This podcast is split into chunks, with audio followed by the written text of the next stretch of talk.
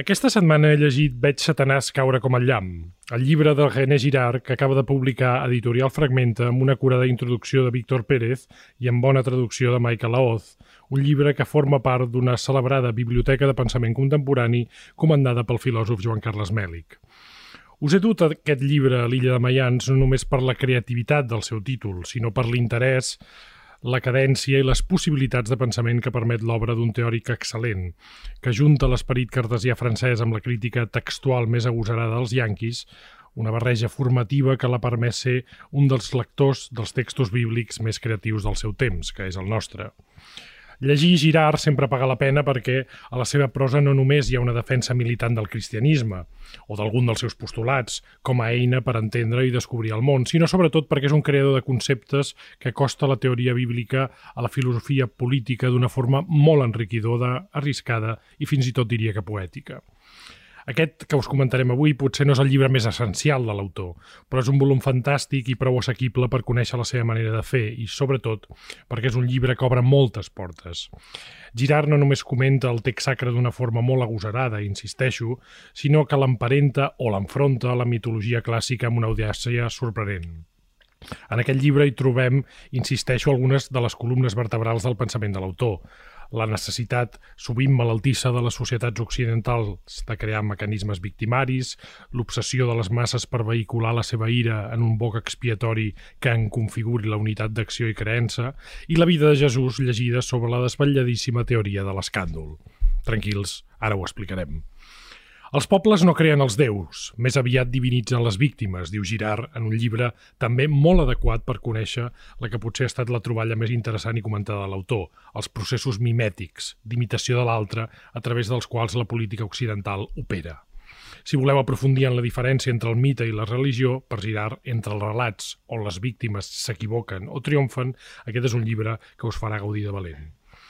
Hi ha qui diu que l'aparell conceptual de Girard, poderosíssim, insisteixo, és només una eina per acabar justificant els postulats credencials de la religió. La cosa és més que discutible en un filòsof que acaba afirmant que Déu és víctima dels homes i no a l'inrevés.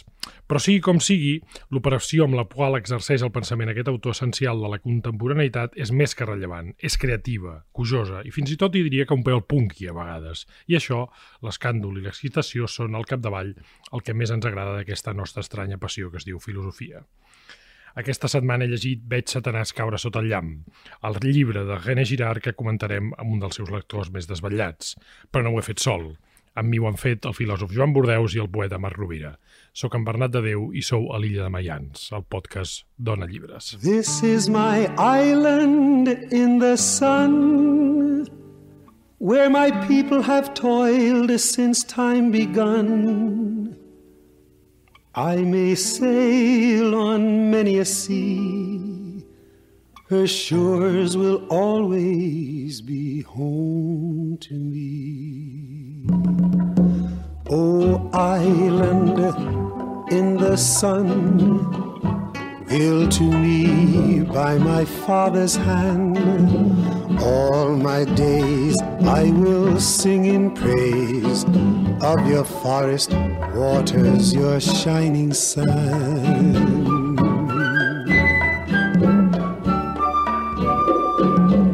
Marc, bon dia, bona tarda, bona nit. Bon dia sempre. Joan Bordeus, com estàs? Bon dia, Manllam. Els tres hem disfrutat molt, molt aquell llibre i suposo que també he disfrutat com un camell i per això l'ha posat a uh, la seva, deixem dir-ho així, Biblioteca de Pensament Contemporani, el filòsof Jean Carles Mèlic, que és uh, un animal seguidor d'aquesta illa de Mayans i que per fi ha pogut venir-hi. Joan Carles, benvingut. Moltes gràcies, Bernat. Uh, som molt feliços que estiguis aquí perquè a més a més tenim moltíssimes ganes comentar de, de comentar algunes coses d'aquell llibre que és, que és molt enriquidor, molt gojós de llegir. Uh, no, no tots els llibres de la nostra disciplina et deixen bon gust de lectura i són, són plaents de llegir, però aquest, uh, aquest ho és. Després comentarem breument alguns dels títols que hi ha a la Biblioteca de Pensament Contemporani, però volíem centrar-nos en aquest llibre de Girard per situar una mica el lector que no hagi entrat en aquest autor. Com deies, un autor que viu entre dos aigües, un autor de formació més aviat cartesiano-francesa o europea que després viu als Estats Units. Eh, com faries una, una, una entrada de diccionari per entrar a aquest autor, per qui no l'hagi llegit mai i que li, que li vingui salivera? Bé, Girard és eh, fonamentalment ve del camp de la crítica literària. El seu primer llibre és dels anys 60 i es titula Mentida romàntica i veritat novel·lesca, i allà planteja ja, des de la crítica literària, comença comentant el Quixot, uh -huh. i després passarà a Stendhal, Dostoyevsky, Proust, Flaubert, intentarà explicar a través de la crítica literària doncs, la seva intuïció fonamental, que és la qüestió del desig mimètic, no? que després explicarem uh -huh. i comentarem i criticarem si, si s'escau. No?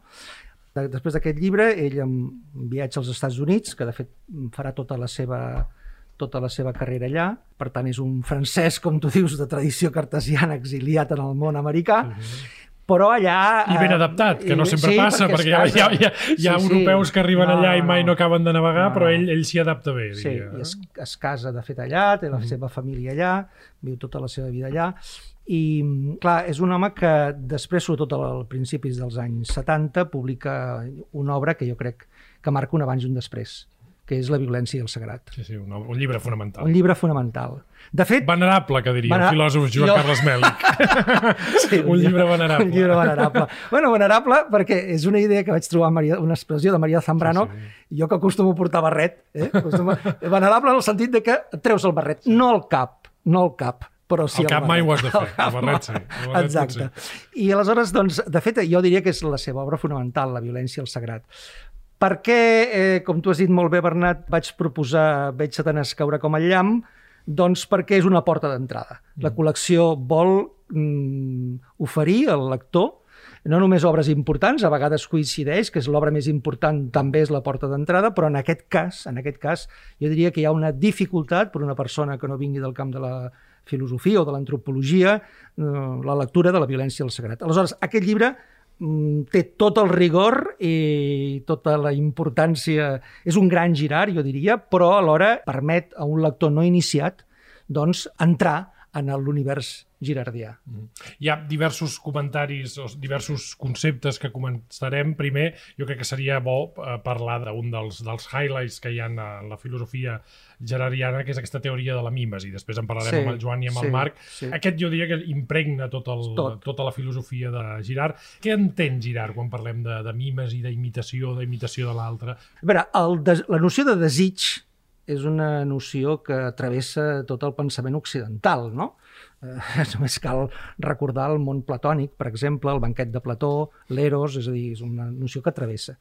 El que d'alguna manera té la intuïció girar llegint els textos venerables de la literatura, per començar el Quixot, que és com comença Mentida mm-hmm. romàntica i veritat novel·lesca, és que, a diferència del que hem cregut, els desitjos no són autònoms és a dir, jo desitjo alguna cosa no perquè aquesta uh -huh. cosa sigui valuosa per mi, uh -huh. sinó que és valuosa per una altra. Sí, no és l'espontaneïtat d'un desig natural, clar. sinó que és una imitació. Clar. Eh? És l'altre, és l'altre aquell que fa valuós el desig. Després escriurà un llibre també espectacular, Girard, que és Shakespeare, Els focs de l'enveja, perquè ell diu que l'altre gran, després de, del Quixot, no? L'altre gran descobridor del desig mimètic, eh, descobridor, diguem-ne, defensor del desig mimètic com un aspecte antropològic fonamental és Shakespeare. Aquest, aquest és un dels primers punts que jo volia comentar amb el Marc i amb el, i amb el Joan. Joan, perquè en un, en un moment contemporani on fins i tot el pensament parla, eh, hi ha un cert discurs cursi de les emocions, de les emocions que brollen. Fins i tot a mi m'interessa molt veure com les, la majoria d'institucions culturals del país parlen d'embrollar de, de les emocions espontànies.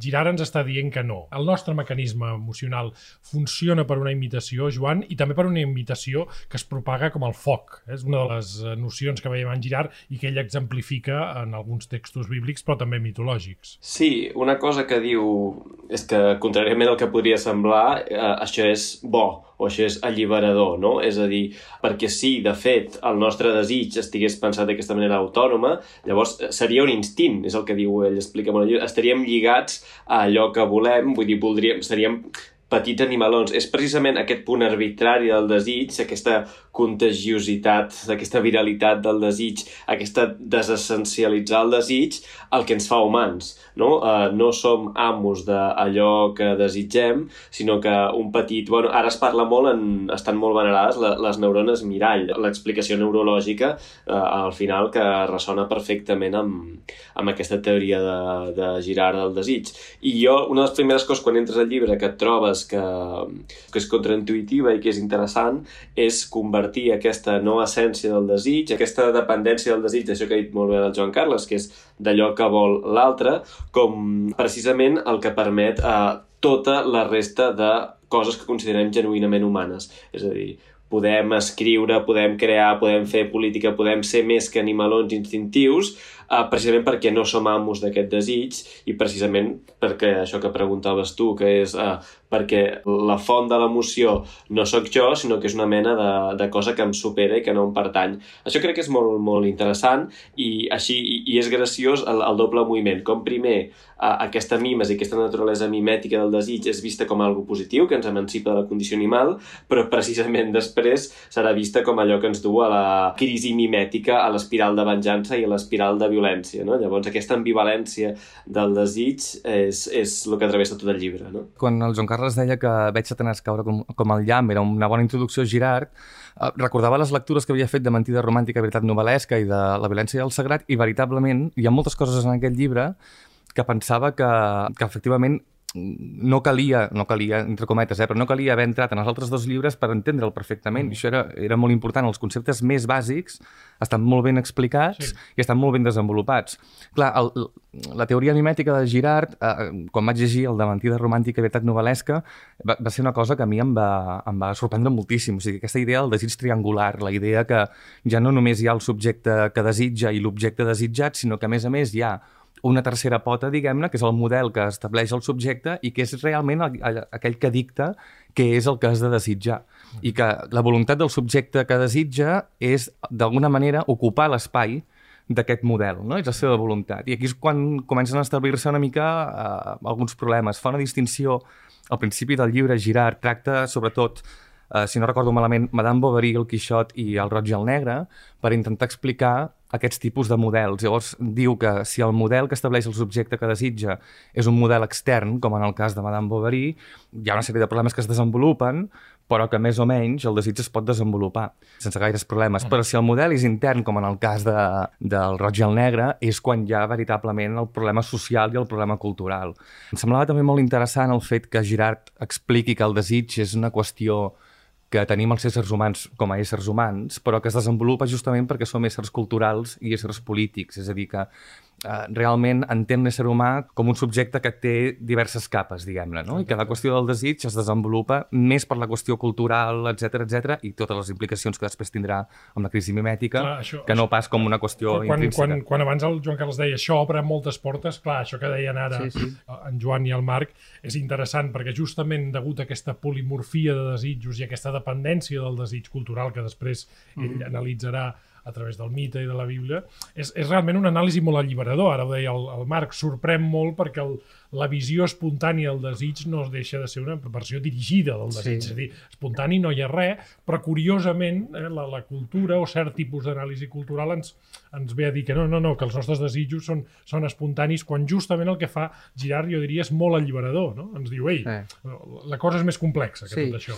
El Joan ho ha dit molt bé, eh, Girard diu el desig mimètic no és dolent, allò que som, es fa humà justament, perquè si no tindríem instints, purament instints, és el desig mimètic, però també ha dit el Joan molt bé, i aquesta és la cara fosca del desig mimètic, és que porta la violència. No?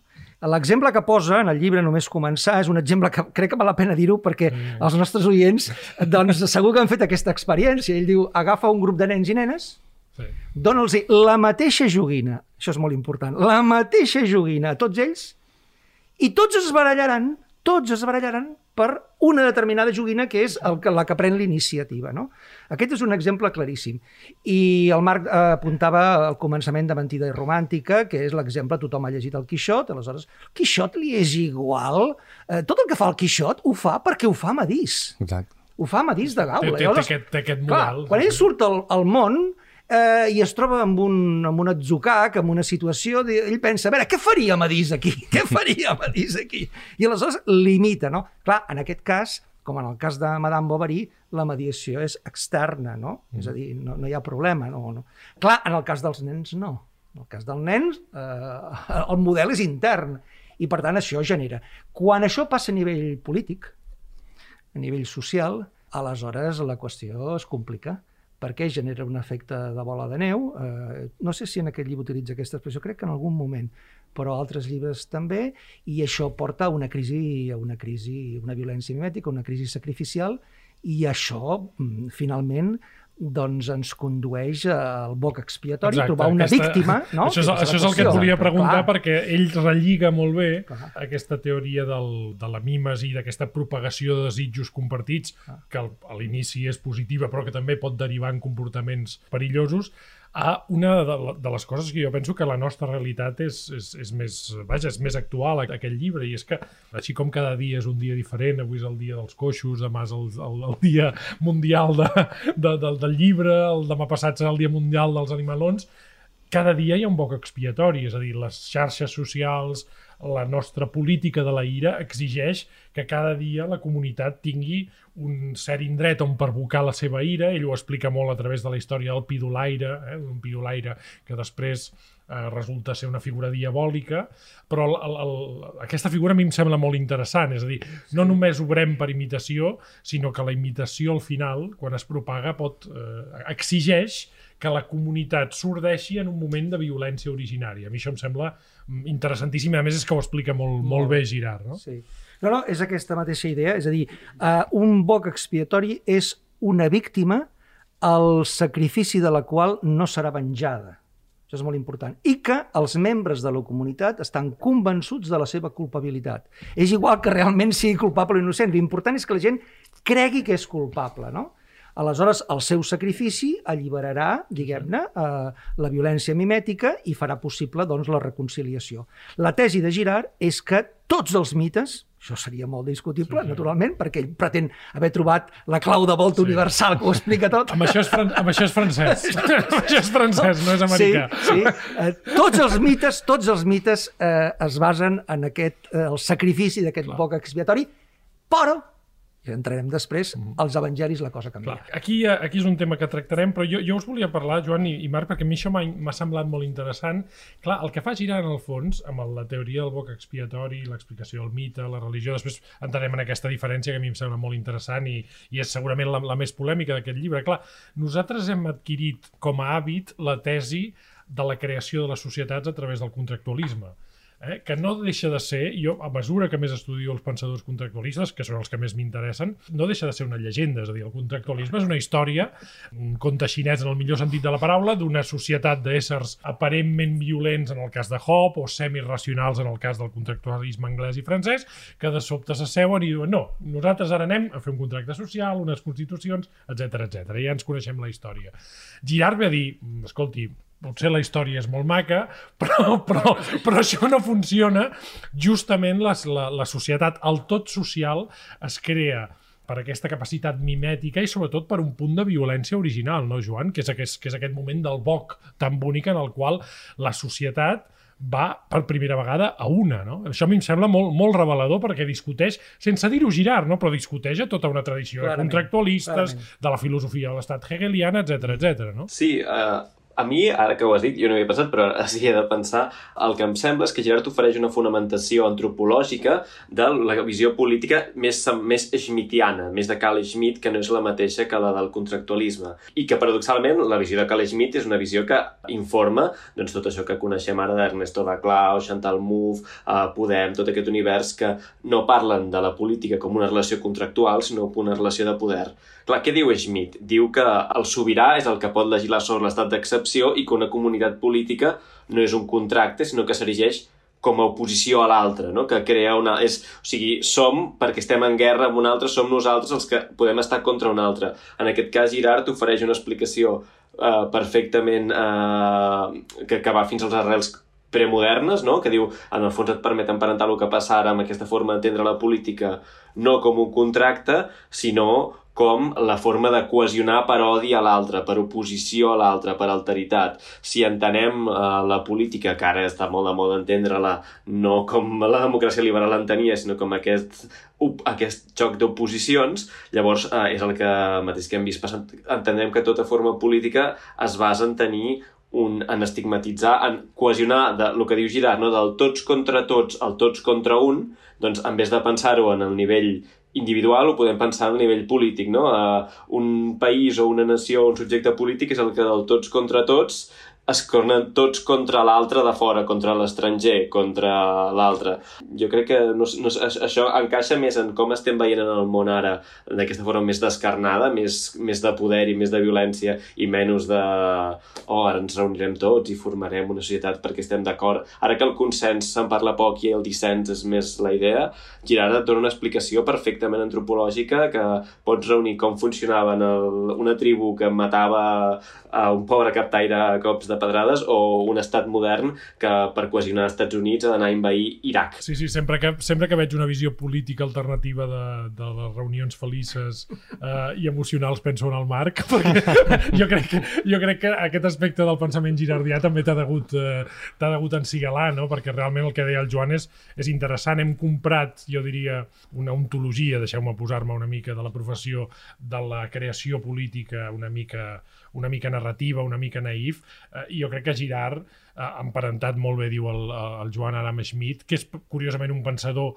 que ha tornat al segle XXI curiosament a través de l'esquerra, doncs aquí ens està donant una, una visió molt alternativa de la política. Jo diria que aquest és un llibre políticament que a mi, si més no, m'ha derivat en, en, en idees molt bones, no? Sí, i tot aquest discurs també, i la meva obsessió per Espanya, diguem-ne, és una cosa que m'hi porta una mica, no? És a dir, ja, tots, ja... tots tenim, tots tenim una, una petita obsessió jo, per Espanya. Jo ja la reconec, ja em psicoanalitzaran d'alguna manera, no passa res. Es pot tractar, no et preocupis. Es, menys mal, menys mal.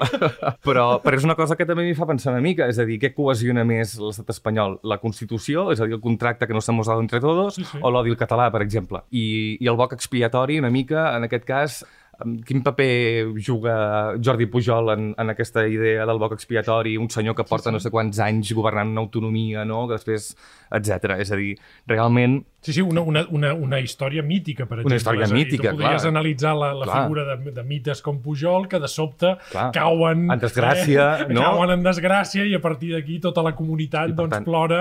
Però jo, jo crec que Girard se, se sorprendria de que l'emparentéssim a Jordi Pujol, però, sí. escolta, eh, Joan Carles, clar, els, els llibres de filosofia porten aquest saltimbanquisme conceptual, I, i Girard, que no és... Que no és I, i Girard, a més, s'explica molt bé. És a dir, la gràcia també una mica de Girard és que com que toca diverses tecles i, i és crític literari, ha llegit literatura, etc etc. Sí. és que el llibre es llegeix molt bé i per tant també et permet sí. entendre perfectament els conceptes i aplicar-los, no? Sí, el Bernat deia una cosa que jo crec que és molt important subratllar-la, no?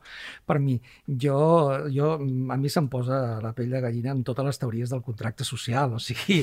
Però, clar, no hem d'oblidar una cosa. La política, la teoria política moderna s'erigeix en base a les teories del contracte social, eh? Locke, Hobbes. Kant, sí, sí, Hobbes, sí, sí. Eh, fins a arribar fins a arribar a Rawls, per exemple, sí. o a Habermas. Sí, sí. És a dir, la teoria política contemporània, home, només hem de recordar la primera pàgina de la teoria de la justícia de John Rawls, mm. a principis dels anys 70, quan Rawls diu, no, no, tot el que diré a continuació arrenca de Locke, Rousseau i Kant. Eh? I Kant. És, és, és, és la mitologia política. No? És a dir, el contracte Clar, social és, és, és el mite que mai ha estat analitzat Clar. com a mite, que això Clar. seria interessant. Clar. Eh? Però aleshores, per, eh, aquest podria ser un motiu pel qual Girard ha estat una mena d'outsider a la filosofia. Clar. Uh, clar, jo, perquè vaig tenir la sort de que primer curs d'universitat, estic parlant de l'any 79, vosaltres encara no havíeu nascut probablement. Just havíem nascut, en el, en el meu cas. L'any que havies nascut tu. doncs jo vaig començar a estudiar filosofia a l'Autònoma i tenia un professor que era el Joaquim Maristany, sí. un home que, que va publicar molt poc, va escriure molt poc, però que ens va explicar que, eh, estant a París, es va comprar Mentida romàntica i veritat novel·lesca, el va començar a llegir el tren, i quan va arribar a Dijon, va baixar, va canviar de tren i va tornar a París, perquè allò li havia canviat la vida per voler conèixer René Girard, no? I esclar, automàticament, quan un professor et diu això, Clar, els estudiants, això gairebé no es fa, bueno, no es fa, i avui en dia no es fa, però per desgràcia, no? Però els estudiants vam anar corrents a buscar mentida romàntica i veritat novel·lesca. I aleshores ens va fascinar aquesta idea. Per què? Perquè trencava com tu dius molt bé, Bernat, amb la teoria política i ètica dominant a la modernitat, que són les teories del contracte social. Clar, clar, no? que, que, a més a més això deriva després a la filosofia del dret de Hegel, que no deixa sí. de ser un conveni del contractualisme, sí. i a partir d'aquí neix tot. És que des sí. del marxisme fins sí. a cert liberalisme neixen sí. de la mateixa font sí. que no ha estat analitzada des del punt de vista mític, i per això em sembla potser una mica més sí. mit, amb Leo Strauss... Passa, però... El que passa que jo crec, perdona, eh, mm. però hi ha un punt que és que si no se'ns passarà.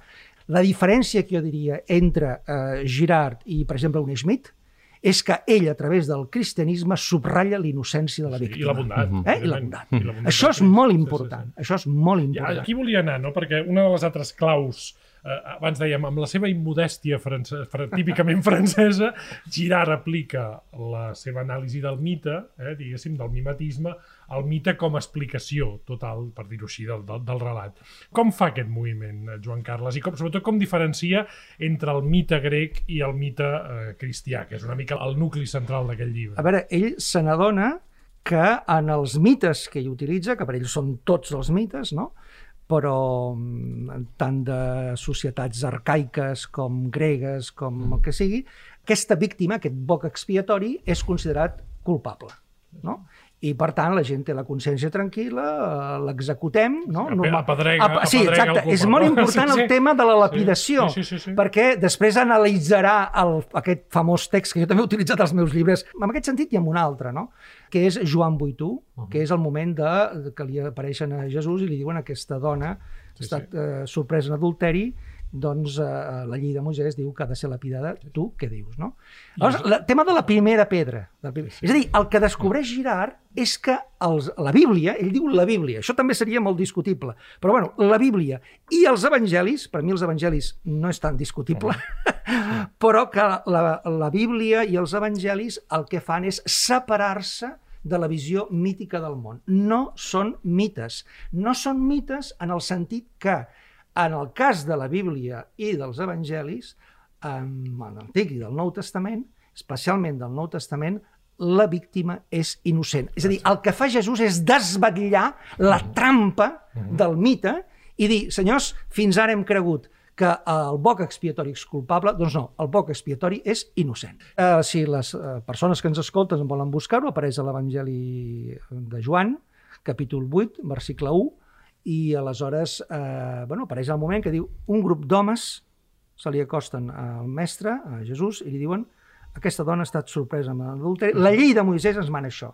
I tu què dius? Jesús, dius Girard, compte, això és un detall important, Jesús no els mira, perquè si els mirés generaria el contagi Sí, sí, sí, mimètic. sí. Aquest, aquest fet, ell escriu a terra i els altres insisteixen, mestre, mestre, t'hem fet una pregunta, tu què dius? perquè volen directrius, què fotem? Clar, la primera pedra, diu Girard, és fonamental perquè és la única que no imita cap altra. Clar, clar. Aleshores, si hi ha una primera pedra, les altres són molt fàcils. El problema és la primera pedra, no?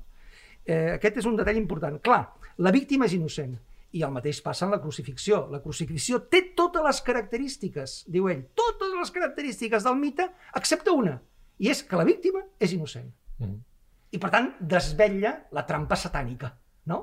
Perquè Satanàs és la paraula o el personatge que és el sinònim de- d'aquest desig mimètic, aquest contagi mimètic que porta la violència. Sí, sí. Aquest, aquest és un, del, un dels, dels temes més, més rics del llibre, no? I, I també més problemàtics, no? Perquè al final pot pensar algú que en el fons Girard està eh, defensant el relat bíblic perquè creu que, que, el, que el Crist sempre serà innocent, no? Perquè això també deriva en una lectura de la, de la figura de Crist, no, Joan?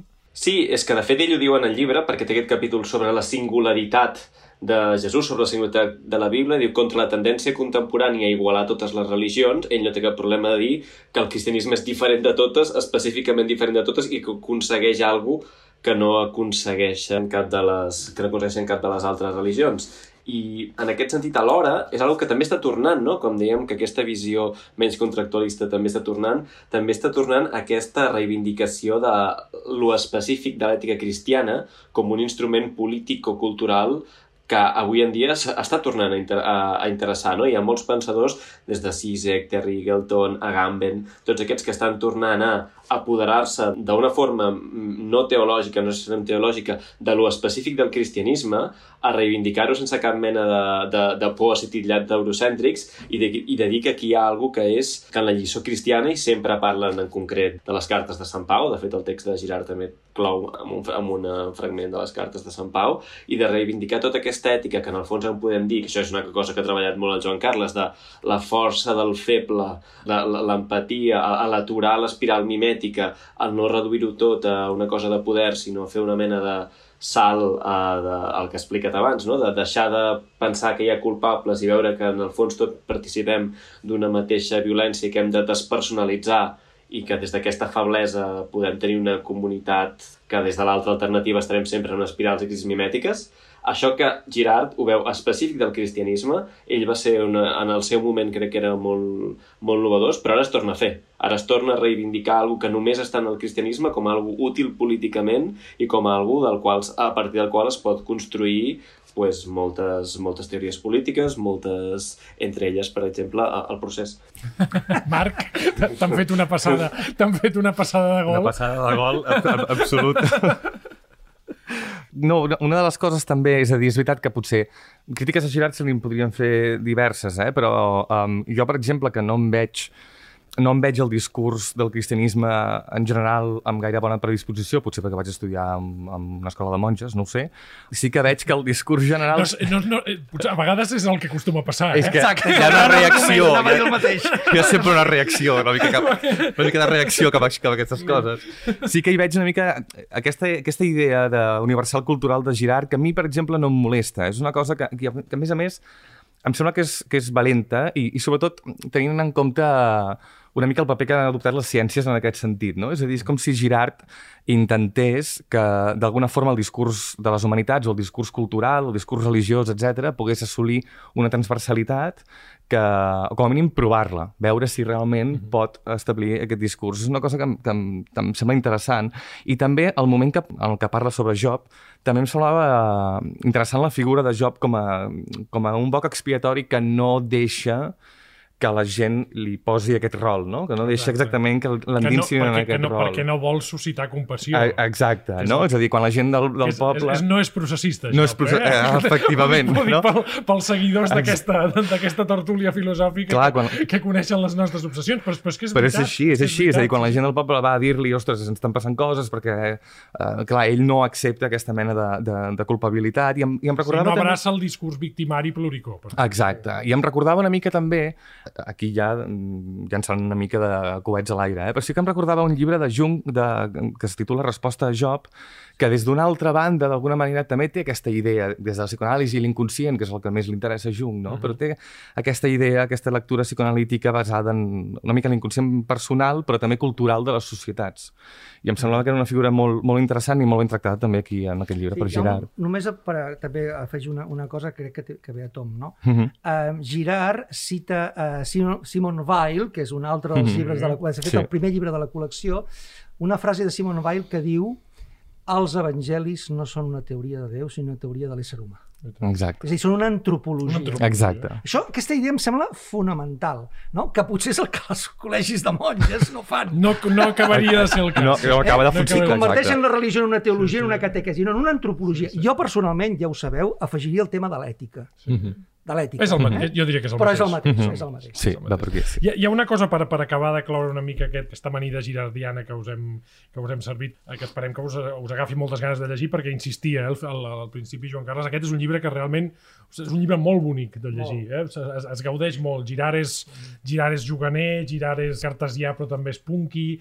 Clar, al final la, la defensa que acaba fent ell del, del cristianisme no és només la defensa d'un creient, també és la defensa d'un lector de textos, que això m'interessa sí. molt. És a dir, ell al final el que acaba dient és uh, el cristianisme és una molt bona reflexió sobre el discurs victimari, és perquè hi ha una víctima que al final és Jesús, però no és una víctima eh, pluricona, sinó és una víctima que accepta que el seu poder és justament eh, ser víctima de la ira conjunta dels homes, i al final el cristianisme té una arrel filosòfica molt particular, que és que al final el tot poderós és la víctima. Això és, això és la clau, perquè per mi, de fet, és la genialitat del, del cristianisme, que al final és allò que se li diu a Déu, no? a l'escena de la crucificació, que ell també ho comenta, no? Escolta, si ets tan poderós, perquè no fots el camp de qui la creu i fas un miracle, no? Aquesta, aquest contrautilitarisme de Jesús, per dir-ho així, és el que Girard diu des del, des del cantó mimètic i des del cantó del, del mimetisme és, és diferent i és el que li dona al cristianisme el, aquest poder, no? Sí, el cristianisme per Girard, jo amb això hi estaria completament d'acord, no és un mite, això està clar, però tampoc és una religió com les altres, fins i tot no és una religió com les altres religions monoteistes. Uh -huh. Això és important, perquè mentre que el judaïsme posa l'accent en el llibre, cosa que a mi m'agrada molt per el meu mm. interès de l'ésser humà com, un, com la condició lectora no? de l'ésser humà, però que aquí posa l'interès en la víctima, que és un altre dels temes que a mi sempre m'ha interessat. No? És a dir, jo penso que una antropologia i una ètica avui, ell acaba parlant d'Auschwitz, diguem-ho també, eh? posant com a exemple de víctima propiciatòria al poble jueu, i diu que el que va passar al nazisme és incomparable, és a dir, això no ha passat mai. Sí. Eh? I aplica la teoria del desisme mètic a analitzar el que passa amb el nazisme. A mi això em sembla fonamental. Posar l'accent en la víctima, en la víctima, una ètica avui ha de passar jo diria per la prova d'Auschwitz, mm. això també ho diria Agamben, sí, eh? sí. Allò, que, allò que resta d'Auschwitz, Agamben diu, agafeu el professor Apple, podríem dir el mateix del, del professor Rawls o el professor Habermas, i poseu-lo a l'Apple Platz de Birkenau, i allà que expliquin la seva ètica de la comunicació. Mm -hmm. O que podríem dir, eh, Bernat, que expliquin la seva teoria del contracte social a l'Apple Platz. A veure si tenen els, cu els collons. no, no, podem, podem dir-ho podem dir clarament. Aquí també és el punqui. Sí, sí. Des d'on parleu de que la comunicació és la base de, de, eh, de tota la convivència humana. Uh, com deia, clar, és un llibre que obre moltíssimes uh, portes, que ens donaria per moltes discussions. Joan Carles, només breument, perquè aquesta col·lecció té dos títols més, La gravetat i la gràcia de Simone Weil i El sagrat de Rudolf Otto. Ens podries parlar... Uh, són dos llibres molt diferents, La gravetat i la gràcia són alguns alguns dels pensaments que Simone Weil va compilar durant sí. els seus dietaris, per tant no és un llibre tan programàtic, és un llibre més de pensaments, eh, per dir-ho així, trobats. El Sagrat és un, és un text més, per dir-ho així, més, més acadèmic. Fes-nos dos pinzellades perquè, bueno, perquè ja que sí, hi som i ja que sí. venim a on a comprar-nos el Girard, comprem els tres llibres i ja puguem anar a casa amb feina per, per, per jo, tot l'estiu. Sí, jo diria que els tres tenen en aquest cas per casualitat, perquè no és una col·lecció de textos que tinguin que veure amb la, la religió, eh? però -huh. els tres el tema religiós hi és present des de perspectives molt diferents. En el cas del Simone Weil, eh, és una dona, per mi, una de les filòsofes més importants del segle XX, -huh. està clar. Si haguéssim de fer el top no top 10, top 5 de les filòsofes del segle XX, segurament que tothom posaria eh, a Simone Weil, eh, que a més a més va morir molt jove, va morir amb 30 sí, sí. pocs anys. No? Com tu dius molt bé, a la gravetat i la gràcia és una recopilació de... És un llibre de Simon Weil que no va escriure ella, de fet, sinó que es eh, va recopilar dels seus quaderns, i és un llibre que jo diria que s'ha de llegir, gairebé tenir-lo a la tauleta de nit, perquè no te'l pots llegir, és molt diferent a llegir el Girard, que tu te'l llegeixes de dalt a baix. Aquí si te'l prens, del seu vols llegir impossible. de dalt a baix és impossible. impossible. Fins i tot et diria que contraproduent. Exacte. contraproduent Exacte. Sí, sí. Jo diria, el lector que, que compri aquest llibre que el vulgui llegir, que el tingui gairebé com un missal i que el vagi, eh, allò que va llegint-lo. I el sagrat de Rudolf Otto, escolta, això són, això són paraules molt, molt majors. Eh? Jo diria que és un text que, a més a més, jo estic content perquè la versió castellana va traduir Lo Santo, uh -huh. en castellà Alianza, i malgrat que des del punt de vista estrictament lingüístic Das Heilige es pot traduir per el sagrat o el sant, en francès van traduir le sacré. Eh? Però, en, clar, e, ella, Rodolfo explica molt bé que no es pot traduir per lo santo, clar. malgrat que tingui aquestes pot tenir aquestes connotacions. Sí. Per què? Perquè lo santo té unes connotacions morals que ell no li vol donar en aquest llibre. No? Aleshores, és una fenomenologia del sagrat brutal. No? És a dir, aquesta doble dimensió que el sagrat ens produeix temor, no? temor, tre tremolor, podríem dir, sí, sí. gairebé kierkegaardianament, i al mateix temps fascinació. Mm -hmm. És un gran llibre, és un gran llibre. O sigui, de veritat, és un llibre... Sí, sí, són, són tres... A més a més, jo diria que, com tots els bons llibres de pensament, són llibres que, a més a més, textualment són molt interessants. Sí. És a dir, són tres autors d'un estil molt particular, Weil és una autora més poètica, més evocativa, Girard, com us deia, barreja aquesta cosa del, del cartesianisme, però també de la riquesa de l'anàlisi textual, i després Otto ja és, ja és una cosa, per dir-ho així, més acadèmica en el millor sentit de la paraula, eh? perquè sovint parlem de l'acadèmia com quan parlem de les monges que van educar aquí el Marc i no van tenir gaire sort amb el seu, amb el seu lligam amb el, amb el sagrat. Uh, per acabar, Joan Carles, sempre demanem... Uh, els nostres convidats que, ens, que per cloure el, el programa, especialment quan hi ha tanta teca com el d'avui, ens proposin alguna música que tingui relació amb el llibre que, del qual hem parlat. Eh, clar, aquí pot haver-hi des de música cristològica fins a música imitativa, fins a música mitològica, o sigui que em sembla que t'hem donat, donat des, de, des dels inicis de la història de la música per triar. Jo aquí proposaria, a veure, eh, sabeu que el, el tema de la religió té a veure amb el tema del sacrifici, de la mort, Per mi la finitud ja sabeu que és, és el meu, uh -huh. la, la nota que afina, diguem-ne, l'orquestra. I aleshores hi ha un grup de rock progressiu que porto escoltant doncs, des, des que era adolescent, que és King Crimson. Home, i tant. Eh? King i Crimson. Tant. I pensant en una cançó, jo si n'hagués de triar una, cosa que em resultaria difícil, però en aquest cas mm, doncs triaria també per la lletra i per la música, Epitaph de King Crimson. Sí, sí. Els filòsofs som de rock progressiu bastant, sí. eh? perquè, primer perquè és una cosa llarga, és a dir, i, i, i s'explica amb, amb, amb un cert temps, és una cosa curteta, i per tant, i també, a més, també et dona un bon tempo, no? Joan, no sé, no sé si tu ets de rock progressiu. Sí, sí, és perquè és pedant, és un gènere de música pedant, com estic. ja deia jo, anàvem, anàvem, anàvem molt bé fins ara. Doncs escolta, Joan Carles, eh, moltes felicitats per aquesta col·lecció com tot el que està fent Fragmenta realment eh, l'Ignasi Moreta i l'Anna Ponsó els hem de felicitar perquè eh, mantenir una editorial amb aquests criteris i amb aquesta vaja, amb aquesta focalització temàtica que estan fent, anava a dir que és un miracle, però és la, la broma és massa fàcil, és una, és una, perquè és una feinada brutal, i aquesta col·lecció suposo que s'ampliarà amb algun títol. Ens pots donar alguna exclusiva Mira, del, que, uh, del que vindrà? Espero que uh, l'últim llibre d'aquest any, que sortiria a l'octubre o novembre, eh, serà un llibre d'una filòsofa viva, en aquest cas, la primera autora viva, eh, que és Adriana Cabarero, que es diu Inclinacions crítica de la rectitud, que és una visió, crec, molt interessant. Crec que la, la filosofia, diguem-ne, entre cometes, feminista, per dir-ho, per posar-li uh -huh. una etiqueta, s'ha centrat en els últims anys en autores que a mi m'interessen molt, com Judith Butler, uh -huh. per exemple. En canvi, Adriana Cabarero, jo diria, Donatella Di Cesare també és uh -huh. molt interessant.